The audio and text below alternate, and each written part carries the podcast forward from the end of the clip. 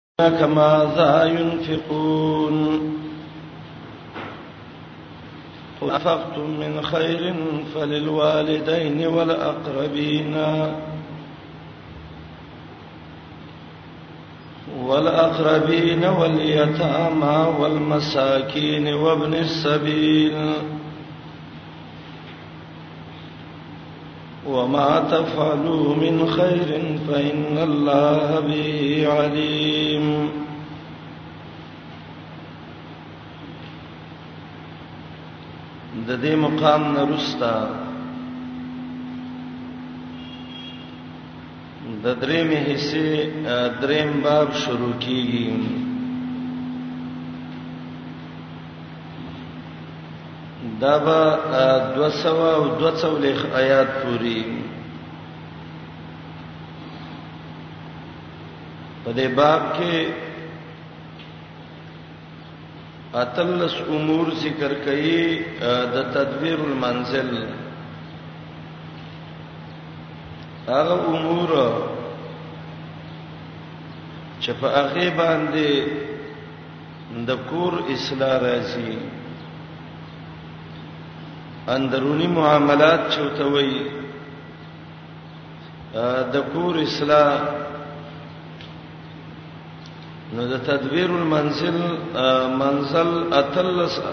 امور ذکر کړي اولنې امر بیان المصارف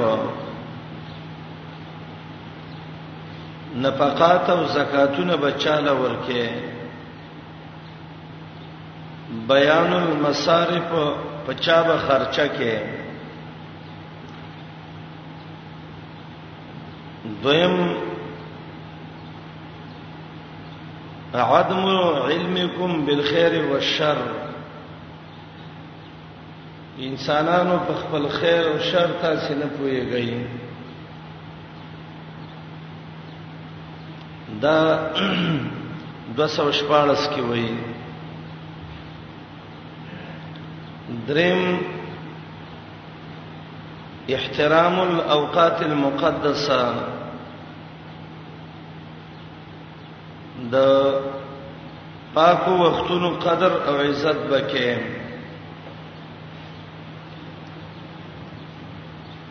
دو سو ولس کې دا ذکر کوي څلورم مسأله الخمر والميسر د شرابو د جواری مسله ذکر کړي 219 کې پنځم اصلاح الیتاما د یتیمانو اصلاح کول 200 کې دا ذکر کړي شپغم نه د نکاح د اهل شرک نه دوسو یوش کې بداوي مشرک سړی له خور لور مو ورکوا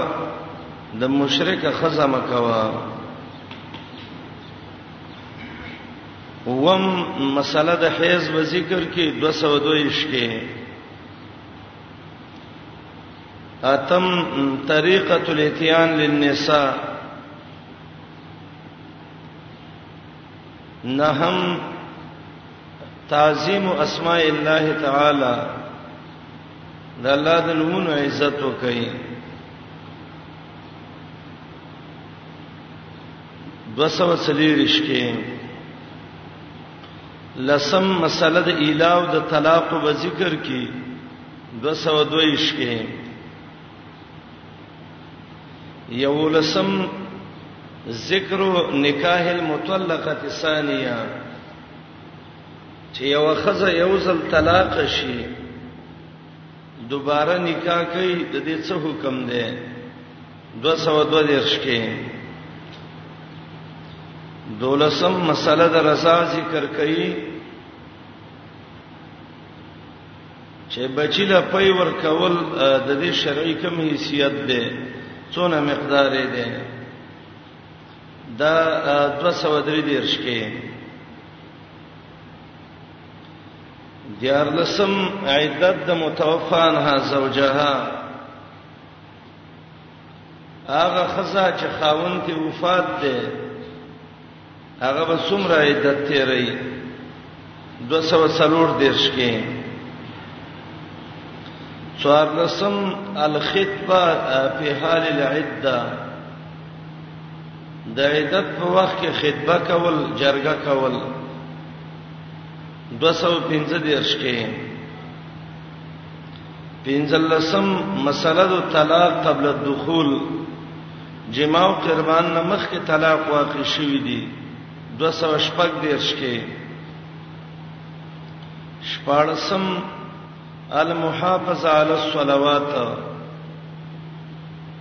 د منځونو حفاظت کول 213 ولسم احسان مع المتوفى عنها زوجها د هغه خزه سا چې خاوند ته وفات شوه دی 240 کې اتلسم احسان کول د عام متلقو سا 241 دا اتلس امور ذکر کړي د تدبیر المنزل هغه امور دي چې دی باندې د کور اصلاح راځي د ملک اصلاح ذکر شو په سیاست المدینه احکام سا اخلاق ذکر شو تهذیب الاخلاق سا وس هغه امور دي چې په هغه باندې د کور اصلاح راځي یسالونک ما سينفقون محمد رسول الله خلق دنا تپوس کوي چې څه شی من خرج کو او پچا باندې من خرچو کو الله وی که خرج کین نو حلال خرج کا او که خرچه کې پلار مور خپلوانو یتیمانانو مسکینانو باندې وکا امام قرطبي دې کړی دی چې یو صحابي و ډیر بوډا شوو دا هغه صحابي نوم عمرو ابن الجموح رضی الله عنه او دا هغه صحابیو چې د بډاوالي په وخت کې الله علماء د شهادت ورکړ راغه نبی رسول الله ته ویلې محمد رسول الله په چا باندې خرچه وکم آیاتونه نازل شو پلار او مور باندې وکړه حدیث کې دی دا د خوشحالي سبب نه دی چې سړی د الله نعمتونو کې او بلار امور د ولګي نه مړ کیږي غریبانان چې ستا خپلوان دي یتیمانان دي مسکینان دي مسافر دي په دې خلکو خرچه وکا او کسه نیک عملونه کې الله په پوی دی الله به بدل لدر کی وما تفعلوا من خير په دې شرط چې کوي نیک عملونه نو جزای مقدره ده فیجازیکم به الله الله بل په څو کې بدل بل درکې یسالونک تفوس کیستانا ما ذا ينفقون چې څه شي نه خرج کوم او په چا باندې خرچو کو پلوته و مان فقتم هغه چې خرج کوي من خیرن څه حلال مال یا من خیرن څه مال د دنیا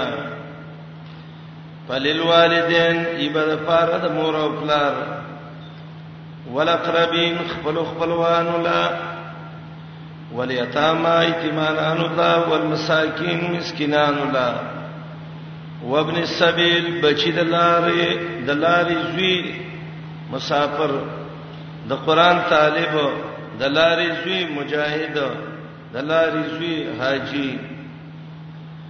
وما تفعلوا من خير په دې شر چې کوي تاسو څنګه کاملونه الله به بدل لدر او فإن الله به عليم دې ته دال علی الجزاء وای یقینا الله دې په دې باندې ډیر پویا الله ډیر پویا دې څوک چې ډېر پوي هغه خيسته بدل ور کوي دا ولانه حکم مصارف الانفاق كتب عليكم القتال وهو كره لكم آیات کې دویم حکم دی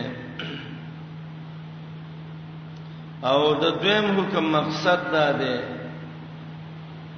انسانانو ستاسو په خیر او شر علم نشته دی یو شی به تاسو خیر غنئ الله ورکه شر واچي یو شی به شر غنئ الله ورکه خیر واچي ولقدر خیره وشره من الله تعالی د خیر او د شر اندازه د الله د طرف نه ده دا دی یو سړی نه وای کدا کار وکم کې دې شي د سره شو شو کې دې شي د حدیث کې دی والم انما اصابک لم یکن لیخطئک الله چې تقدیر کې کم شی تا ته لیکلې هغه تا نه خطا کوي چې بل چا باندې ورشي او چې کمی ته نه لیکلې نو هغه دې نه خطا کوي چې بل پری دي او تاب سره شي الله وی جهاد فرض دی تاسو ته بیتونه به بد غني خو کې دې شي ډیر کرته یو شی بد وګڼي الله دې له خیر وګرځي یو شي سمینه الله دې له شر وګرځي قانون او قاعده دا ده چې والله یعلم وانتم لا تعلمون الله پويږي تاسو نه پويږئ نو د رب العالمین په قضا او په قدر باندې ایمان راوړی د الله قضا او قدر ته گردن کېدئ قران کې دوه قسم الفاظ دي یو ته قتال وای یو ته جهاد وای جهاد عام لفظ دی د مجاهدین دی مجاهده د الله دین کې کوشش ته وای قتال خاص لفظ دی چې تور ټوپک مستعملول د الله د دشمنانو په خلاف کې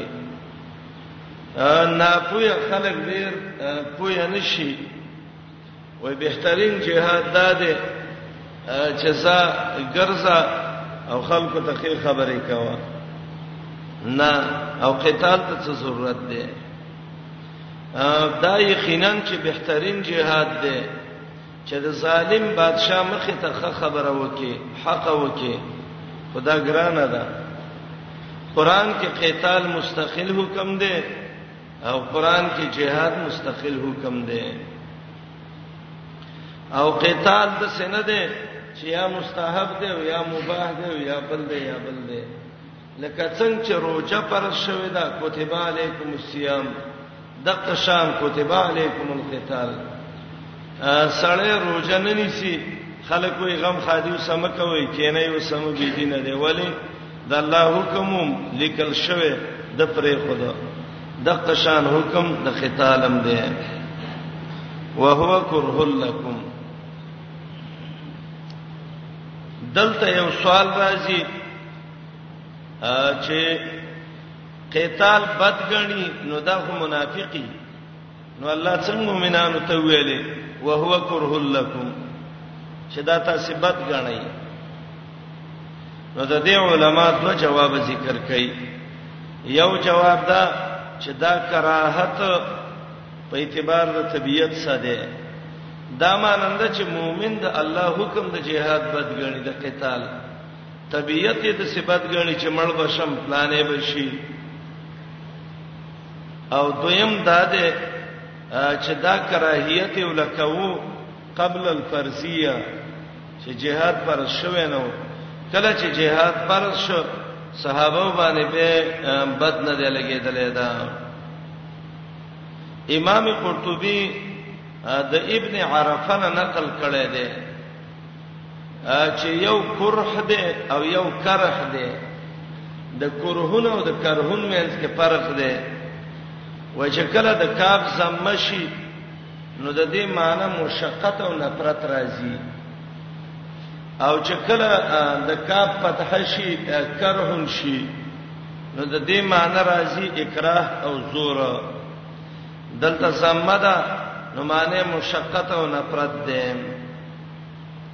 او مقصد د آیات دا دی د خیر او د شر علم د الله سره دی واسان تکرهو لفظ د عصا چې د الله باره کې راشي معنی د وجوب د شک معنی نه وي کتب علیکم القتال فرض شوه ده پتا سبانی جنگ کول د کافر وسام وهو کره لکم دا د مشقت او بدګنل ستاسو د طبيعت د پاره او اشاره دی ته دا چې مبنا د خیر او د شر د په شرع معلومیږي په عقل نه معلومیږي جهاد خو سید یینب کې توی شي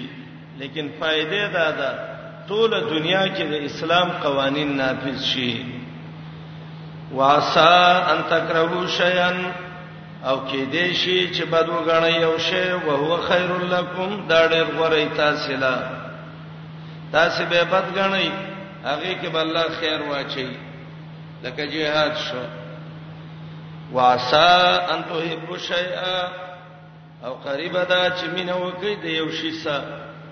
کې دې شي یو شیم خوخي او هو شر لکم هغه تاسو له شری تبه په د خیر ګمان کې اب شر وګرځي تبه په د شر ګمان کې هغه به خیر وګرځي دا ولی اخر کې الله علت ذکر کوي والله یعلم وانتم لا تعلمون الله پوهیږي تاسو نه پوهیږئ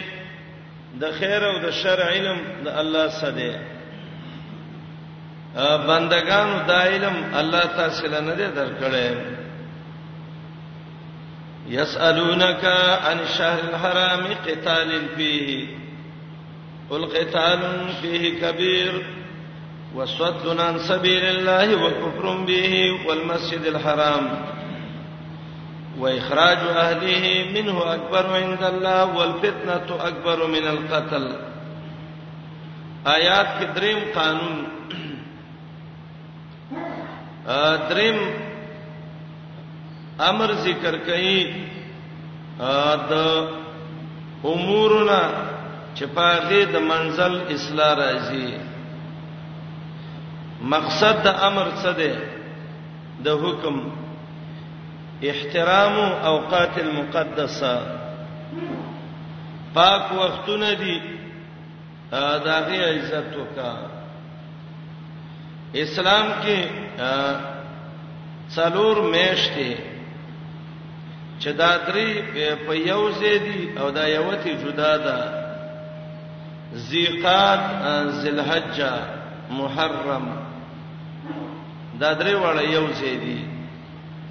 او یو مېش بل دا چې هغه ته رجب وایي رجب دا مونږ چې په وسیو د دینه مخ کې دا مېش ده شعبان نه مخ کې مېش رجب ده دا څلور مېش دي دته اشهر الحرم وایي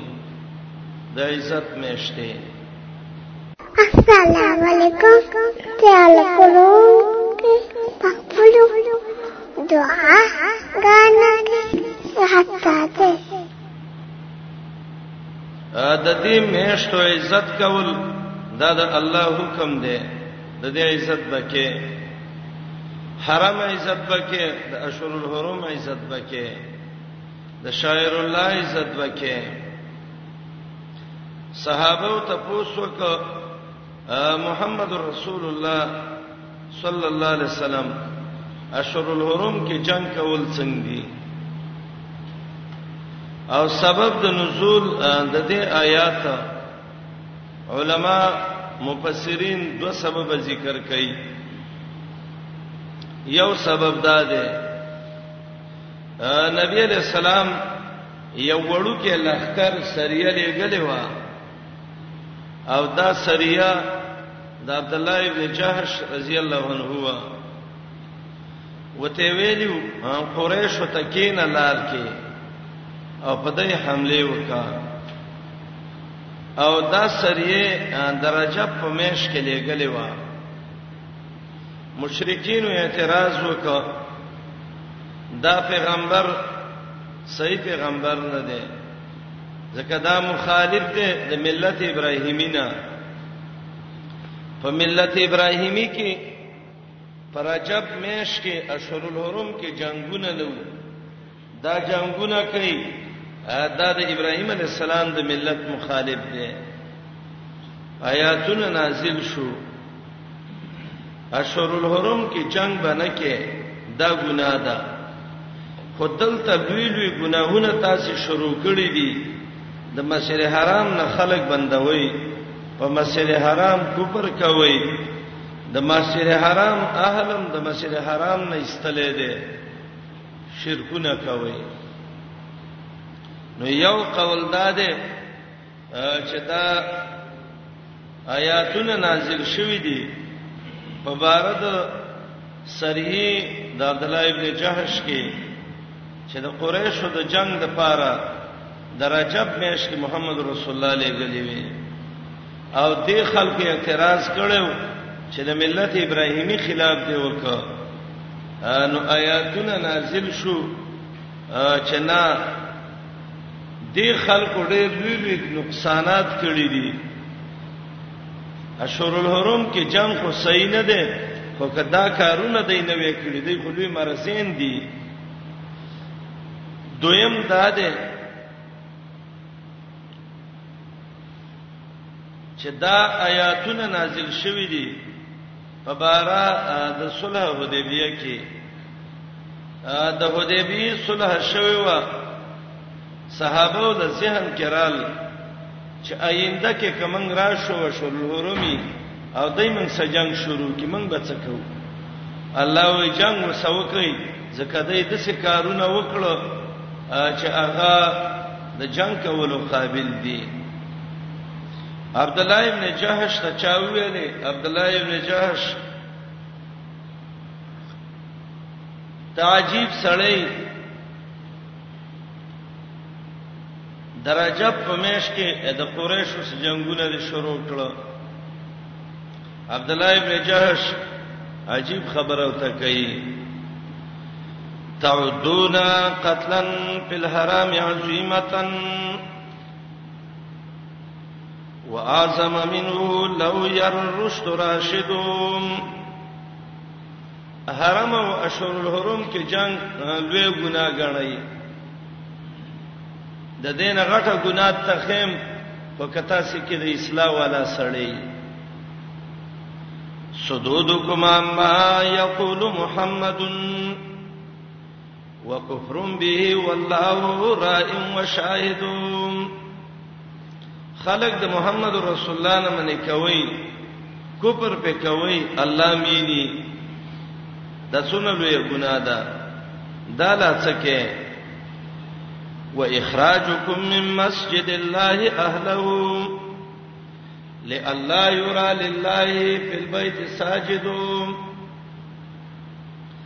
هغه خلک چې د جماعتونو اهل دي د جماعتونو نه وباسي چې الله ته څوک سجدهونه کی عجیب خلک وي د نبی نه خلک منې کوي کوپر کوي په مسجد حرام نه خلک وباسي هغه ګنا نه ده او رجب کې اوس شاه جنگ وکړه ګنا ده دا خپل ګناهونه ختم کړي نو به با تاسو جنگ نه کیږي ا دې کې د علماو اختلاف دی چې په اشهر الحرم کې جنگ کول دا څنګه دی دی وخت کې امام قرطبي وایي وای د جمهور علماو قول دا دی چې ابتدا د اسلام کې اشهر الحرم کې جنگ منو سورته توبه شپږ د شتم آیات باندې چې مشرکان کافرم چیرته به می تلمړی کوي دا آیات به منسوخ شوه دی او دلیل دا دی چې نبی رسول الله د ثقيب قبيله سره بشر الحرم کې جنگ کړو بیا تر رضوان د ذلقعده میش کې شوی و نو دا دلیل د دې دی چې دا حکم منسوخ دی عطا ابن ابي رباح وایي او ابو زبیرم د جابر رضی الله عنه یو نقل کړی دی هغه د عطا د قول مؤید دی عطا وی آیات محکم دی او مقصد دا دی اشهر الحرم کې به جنگ نه کې ته کافر د سره شروع کبه وسکوا ابو زبیر د جابر نه نقل کړي کان رسول الله صلی الله علیه وسلم لا یقاتل فی الاشهر الحرم جنگ به اشهر الحرم کې نه کو الا ان یغزا کله د سبا جنگ شروع شو به به جنگ کوو قتال فيه دا قتالین بدل استعمال دی او مقصد د دې سوال نه څه دی جواز او عدم جواز د قتل یا رسول الله اشهر الحرم کې قتل جائز دی او کنه دی فتوا راکا وقو نه د مراد چې واقع شوه دی او کنه دی نه اشهر الحرم کې جنگ دغه دی دا جائز دی او کنه جائز دی او الشهر الحرام کې الف لام د جنس ته پاره دی او مراد هر میشت حرمت ده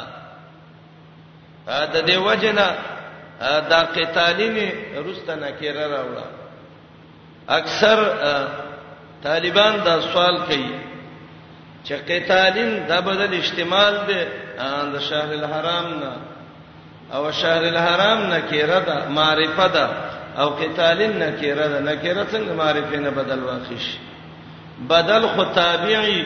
او تابع به د متبوع سره د غیدا مطابقت به په لاسو شینو کې دلته نکره د معرفت نه څنګه بدل واقع شوه نو دا غي جواب ما وکړ چې الشهره کې الف لام جنسی دي الف لام جنسی کې عموم او جنسیت او ماهیت مرادي هغه یو قسم له تنکیر پیدا کوي نو د دې وجنه قتالین بدل اجتمال نکره رسته واقع کړم یسالونک تفوس کیستانه دا تفوس کون کی صحابه عبد الله ابن عباس رضی الله عنه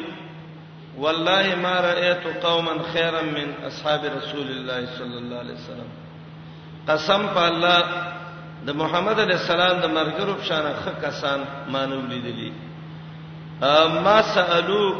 هو الا عن 13 مساله ټول جون کې دیار نه سو خبرو ته پوښتنه تی کړیو او دا ټول قران کې موجودی وي یو پاره کې دا دی یسالونک تفوس کیستانه پیغمبر دی ان الشهر الحرام په بار د هر میشت عزت کې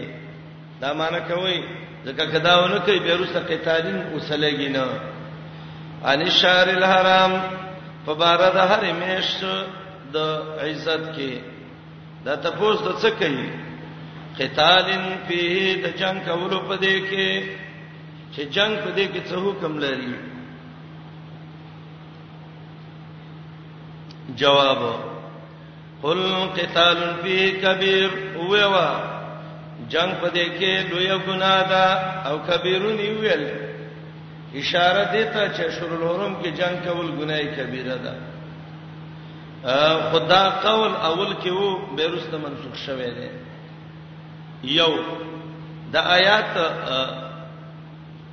تاسو ته لږه توجه کوئ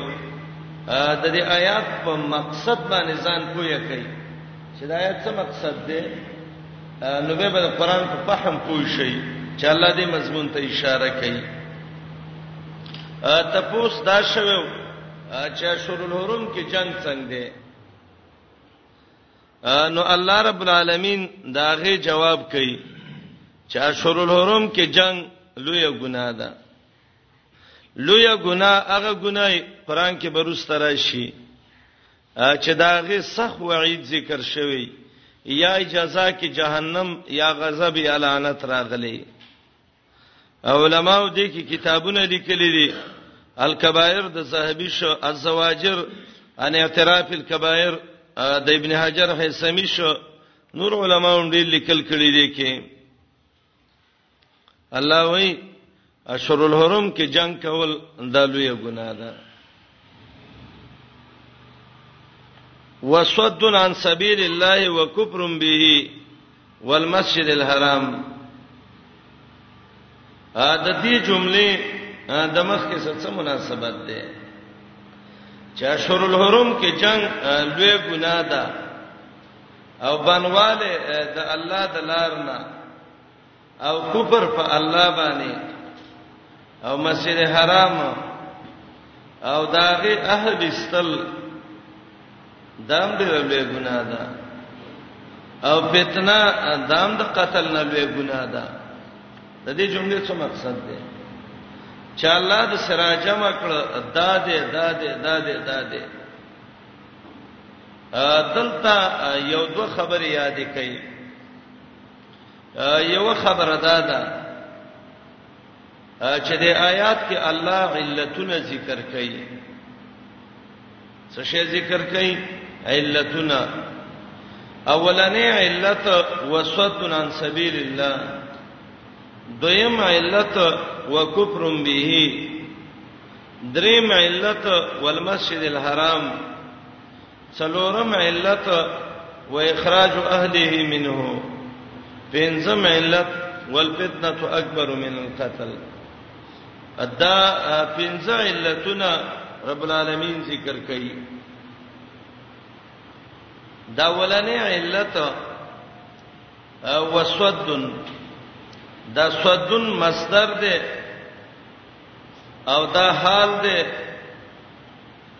او فاعل او مفعول د ذکر مقدر دي او معنا دا ده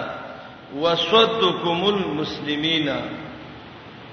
او تاسو چې مسلمانان بندوي د الله د لار نه نو دام لوی ګناه ده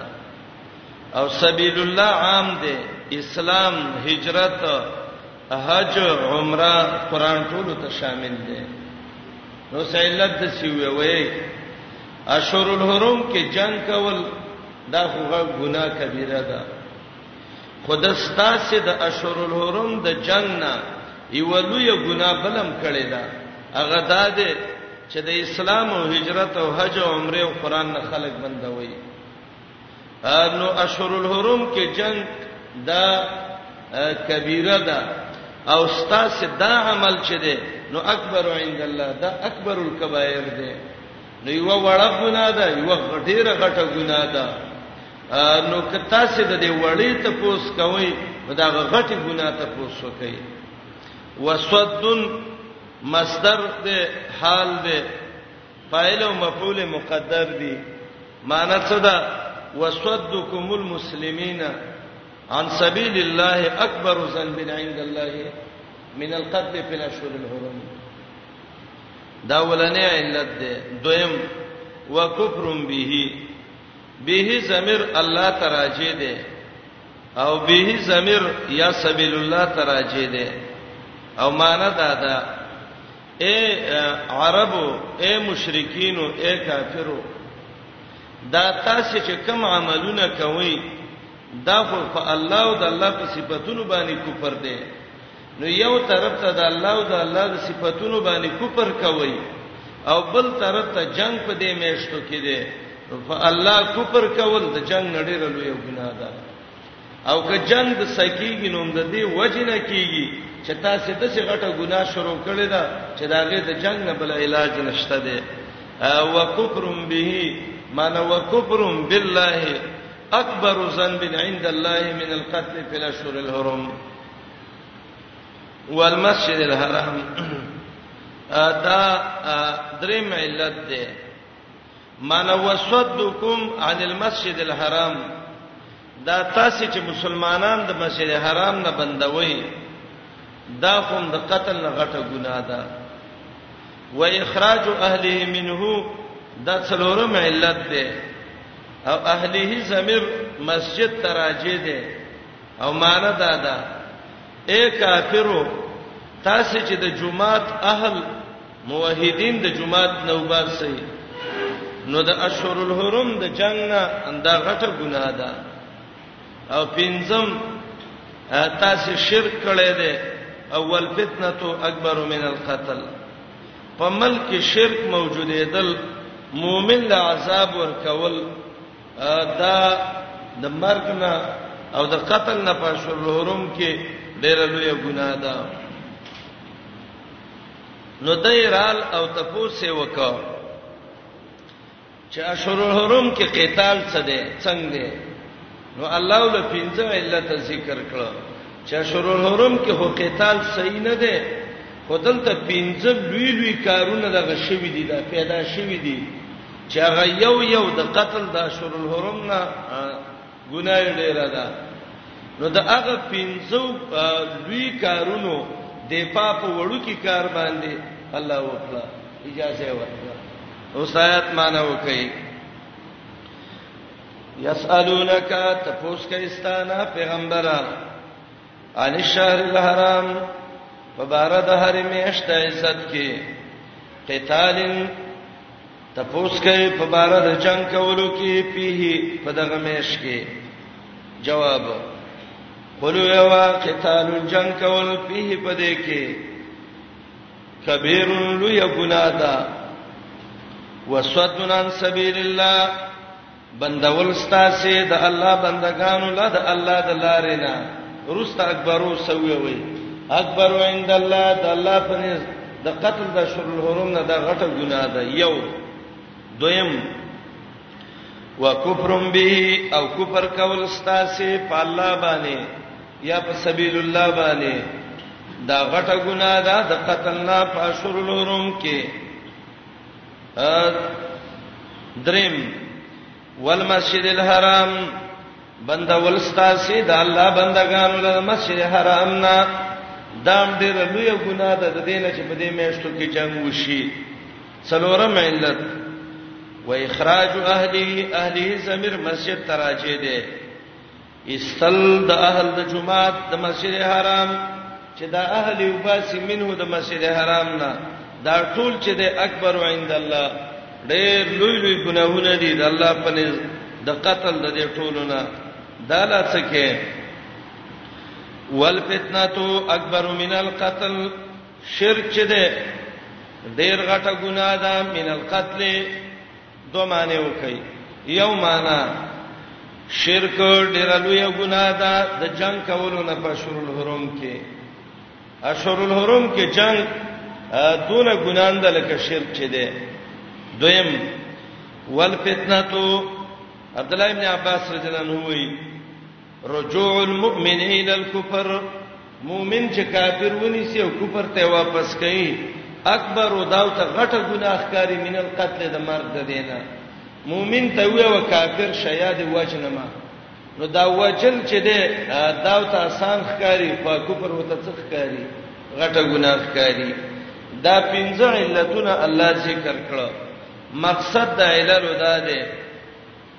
تاسې د یوې ګناه خیال کوئ او نور هم ډېری ګناهونه کړي دي، داسې ګناهونه دي چې هغه یو یو د دې نه ډېر دی او دې ته علل خمسه وایي او دا حکم خدا دی چې منسوخ دی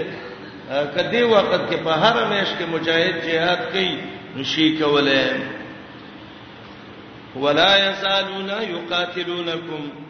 حتا يردوکم عن دینکم ان استطاعوا آیات کې غایه ده دعوت د کافرو دا کافر ترکم زمانه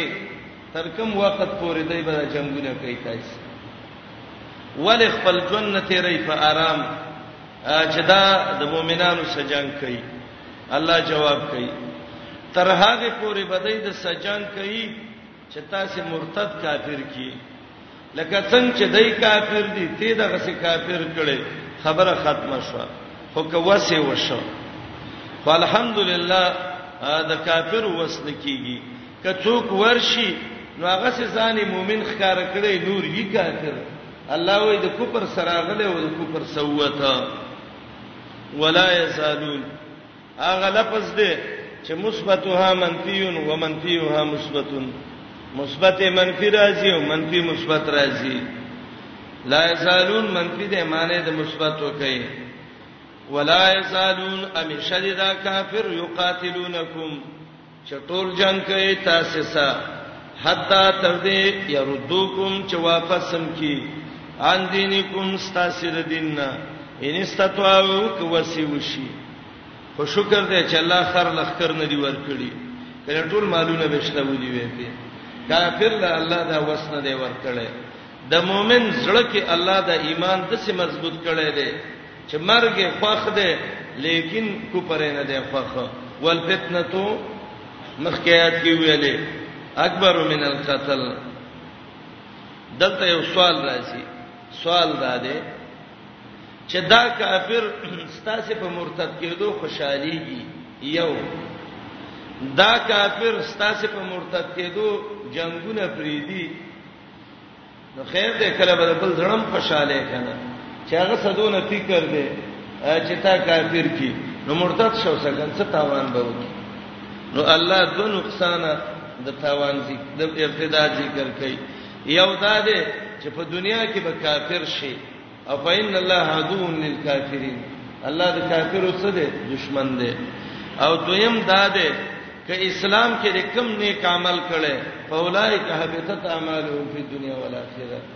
او دریم واولائک اصحاب النار هم فیها خالدون ارتداد باندې کافر کیږي عمل دې برباد کیږي جهنمی کیږي همیشه جهنمی کیږي تباہ او برباد هغه خلک دي هغه مولین دي هغه پروفیسوران دي هغه مجاهدین دي هغه خلک دي چې جهادونه کړیو او لار د يهودو او نصاراو د ډالرو په څنګ کې ودرېدل خپل ایمان یې وبېل و مې ارتد څوک چې واپس شستا سینا ان دیني د دین دا غینا د خپل دین نه واپس شو فیموت به مړ شو په دې کفر کې او هو کافرون چې کافر کافرون ځکه مرګ چې راغی د کفر سمرګي سره کافر فولائک دا کسان حبطت اعمالهم برباد شوی دي د دې عملونه د دې عملونو نه هغه عملونه دي چې هغه د ایمان او د اسلام په وخت کې کړی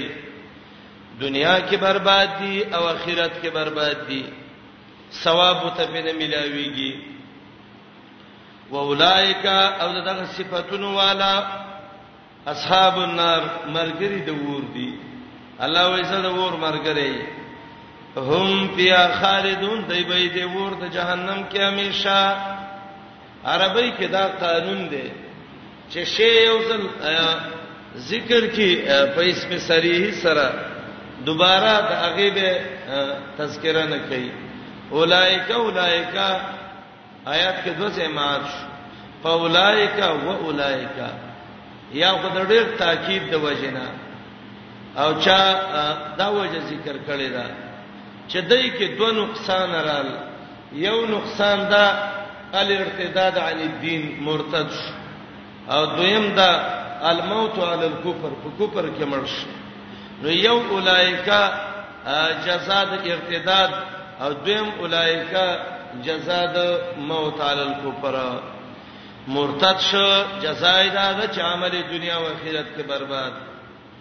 کفر باندې مرشه جزاء دا ده چې مرګره د ور بې زه د ور مرګره مور له غاړه ورکه همیشه وې دي کې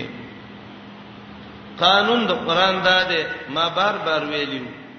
چې کله کافر ذکر کی عذاب ورکی تخویب شي بیرته مؤمنان ذکر کوي بشارت ور کوي نو دا رجا شي ځکه ایمان کې دوه شیونه ډیر مهم دي چې یو ته خوف وي او دویم ته رجا وي د الله نه ير د الله نه امید او علما وي الخوف والرجاء کل جناحین للطير ایمان کې د الله نه ير او د الله نه امید دا د سیده لکه د مرغه دوه وزري چې یو وزرې مات شي په بل باندې نشي تللی کله چا خوف ډیر شي یا بلې ونی شي او یا استنا امید شي د الله دغه نه بس دهری وګرځي کافر شي او کله چا امیدونه ډیر شي بد عمل کیږي امید یې دون ډیر شو زالله غفور رحیم دی او څه بکی او څه باندې کیږي ګل اعمال به فریدي نو اولایک اصحاب النار څخه خوف شو او اولائک یرجون رحمت الله سره رجا شو بشارت ان الذين يقيننا خلق امنو چې ایمان راوړل یو دا ولنې صفت ایمان دې عقیده د توحید ده دویم والذین اغ خلق هاجروا چې هجرت کړي مهاجر دي مهاجر لغوي معنی هجران پر خودلو ته وایي کله ملک وطن د الله د پاره پرې خیره او مهاجر څه ته وایي رسول الله تفصیل کوي من هجر الخطايا والذنوب چې غټه غواړو ګناونه پرې خدل د سینه مجاهد دی او مهاجر دی او د ځان نه کارغه جوړ کړی دی چې کم ګندی داب کې مکوخه وای چې کم حرام او مرداري داب کې نه نه هجرت وکړه نو په هجرت په سبد سي نه چې بیرته وای چې خپو زار شم شکر دې چې را خلاصم کړم نه نه بچی راويست خزه راويسته بډاګان کمزوري راويستل وجاهدوا فی سبیل الله بیرته به جهاد وکړي بشکا خلک چې ایمان راوړل او خلک چې هجرت کړي جهاد کړي د الله په لار کې اولائک يرجون رحمت الله دا خلق امیدونه ساتي د الله د رحمت رجا امید ته وای او خبر په معنی د انشاء سره اهل علم وای نو معنی دا ده يرجون رحمت الله امیدونه دی وساتي د الله د رحمت اخبار جمله خبریه کې معنی د انشاء ده امیدونه دی وساتي د الله د رحمت تا خو درې دسې مرکزي کارونه وکړه عقیده دې صحیح کړه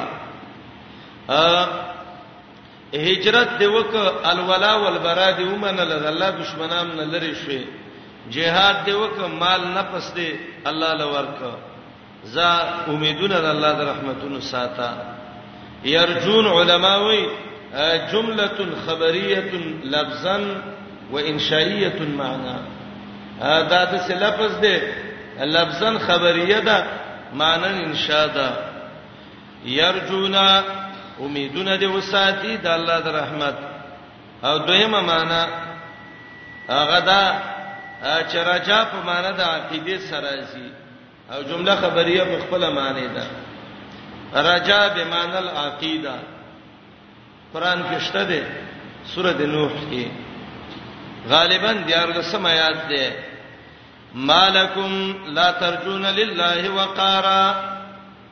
څه دي تاسو له چې د الله د عزت عقیده نه ساتي نو سمانه وکي اولایکا دغه صفاتونو والا خلق یرجون رحمت الله عقیده لري د الله د رحمتونو چې الله به په ما رحم وکي د الله د پاره مې دا کارونه کړی دي یو رجا ده یو تمنی ده رجا هغه ځای کې چې اسباب یې نو امید پیدا شي او تمنی هغه چې هغه کې اسباب نه وي مؤمن به د جنت تمنی کوي رجاګان رجاګان ته دي دغه مؤمن چې د بعض علما وایي چې دله دا جایز نه دي چې ايتمنى الجنه ولی تمنی بغیر الاسباب او داول جایز دي چې دا رجاو کې جنت عمر ابن الخطاب ویلو کرب العالمین وای چې دا ټول خلک جنت ته ځي او یو سړی جهنم ته ورغورځوي کې دې شي چې هغه عمرې ولی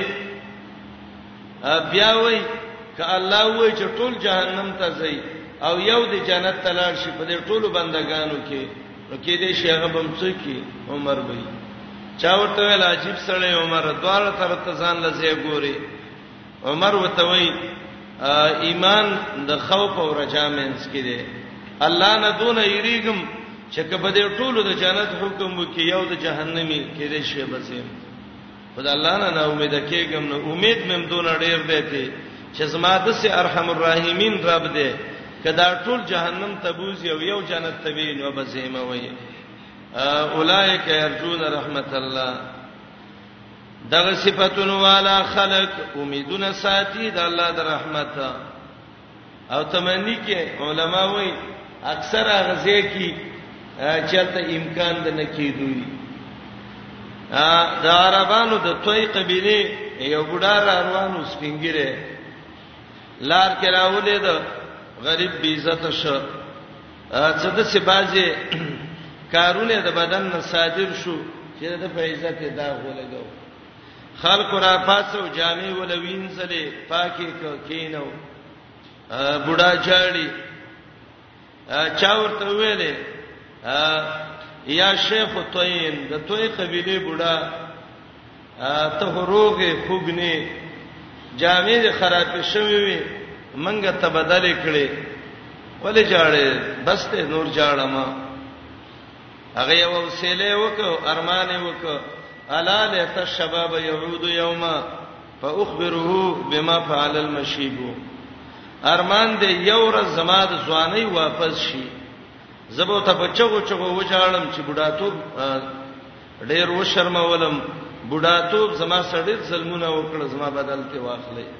ځوانانو ورونو خويندو ځواني د الله ډیر عظیم نعمت دی او خیر انسان هغه دی چې دې کې فائدہ ته واغستا انسان بوډا شي کمزور شي کاودس کوي او به یخي لاس نه ورځي خپنځي سترګې کار نه کوي وک کار نه کوي ځواني ځواني د الله دین کې استعمال پکار دی وشاب نشأ فی عبادت ربه هغه ځوان چې ځواني کې د الله بندگی کړې ده الله به دارش ته سوري دلاندې کی مقصد دې جمله کې داو الا لیت الشباب يعود یوما ځواني یو ورځ واپس شي ځواني د طبيعت ته واپس کیږي نه تمنی دا لیکن وجود غیر ممکن دی